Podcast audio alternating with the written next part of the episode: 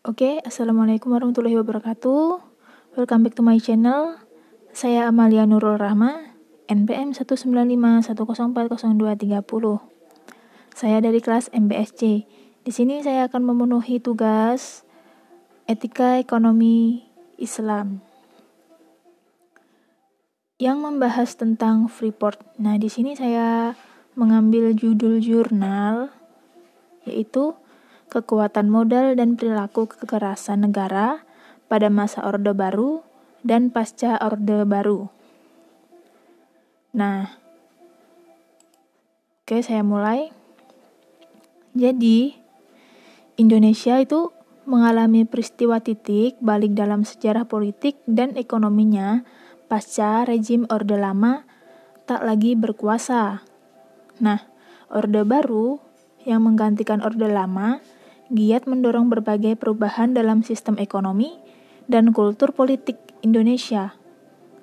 Pemerintah rezim Orde Baru percaya bahwa ideologi pembangunan yang ditandai dengan masuknya korporasi modal asing ke Indonesia itu merupakan satu-satunya jalan untuk memperbaiki situasi ekonomi dalam negeri yang saat itu sedang memburuk Nah, kemudian pengadopsian ideologi pembangunan ini juga dimaksudkan oleh Orde Baru untuk mengintegrasikan diri secara politik dengan blok barat.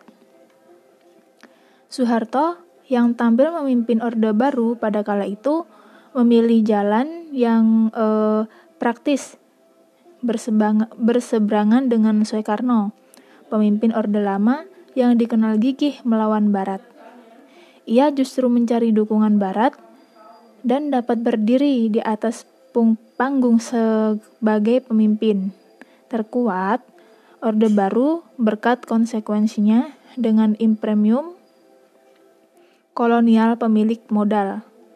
Nah, salah satu korporasi asing yang pertama kali datang ke Indonesia itu adalah Freeport yang berbasis di Louisiana, Amerika Serikat. Freeport adalah korporasi pertambangan asing pertama yang beroperasi di Indonesia setelah disahkannya Undang-Undang Nomor 1 Tahun 1967 tentang penanaman modal asing. Nah, kontrak karya antara pemerintah Indonesia dengan Freeport itu pertama kali ditandatangani pada 7 April 1967. Kontrak karya generasi pertama itu memuat kesepakatan mengenai eksplorasi gunung Edsberg oleh Freeport di mana wilayah itu secara historis merupakan wilayah adat suku Amungme. Nah, warga suku Amungme yang tidak pernah diajak berdialog mengenai rencana eksplorasi tambang tersebut menolak keberadaan Freeport di tanah ulayat mereka dan melakukan protes keras pada pemerintah Orde Baru dan Freeport. Nah, e, mereka mempunyai alasan warga suku Amungme melakukan protes adalah pertama karena kegiatan eksplorasi dilakukan di Gunung Erzberg. Nah, sebuah gunung suci bagi suku Amume yang dipercayai sebagai tempat bersemayamnya arwah nenek moyang mereka. Nah, kemudian pada masa Orde Baru, tindakan kekerasan oleh negara negara melalui militer kepada warga suku Amungme sering kali dilakukan dengan alasan bahwa mereka merupakan anggota organisasi Papua Merdeka atau yang disebut dengan OPM. Militer Indonesia berpendapat bahwa warga suku Amungme yang menolak dan melawan Freeport dengan mengadakan protes-protes sporadis adalah simpatisan maupun anggota organisasi Papua Merdeka, sehingga kehadiran militer diperlukan untuk memberantas organisasi yang membentuk sebuah negara Papua Merdeka tersebut. Setelah tumbangnya Orde Baru, hubungan dekat yang terjalin di antara negara dan Freeport tidak banyak berubah. Kedekatan hubungan ini membuat negara selalu memihak Freeport dalam setiap konflik yang melibatkan korporasi itu dengan pihak lain.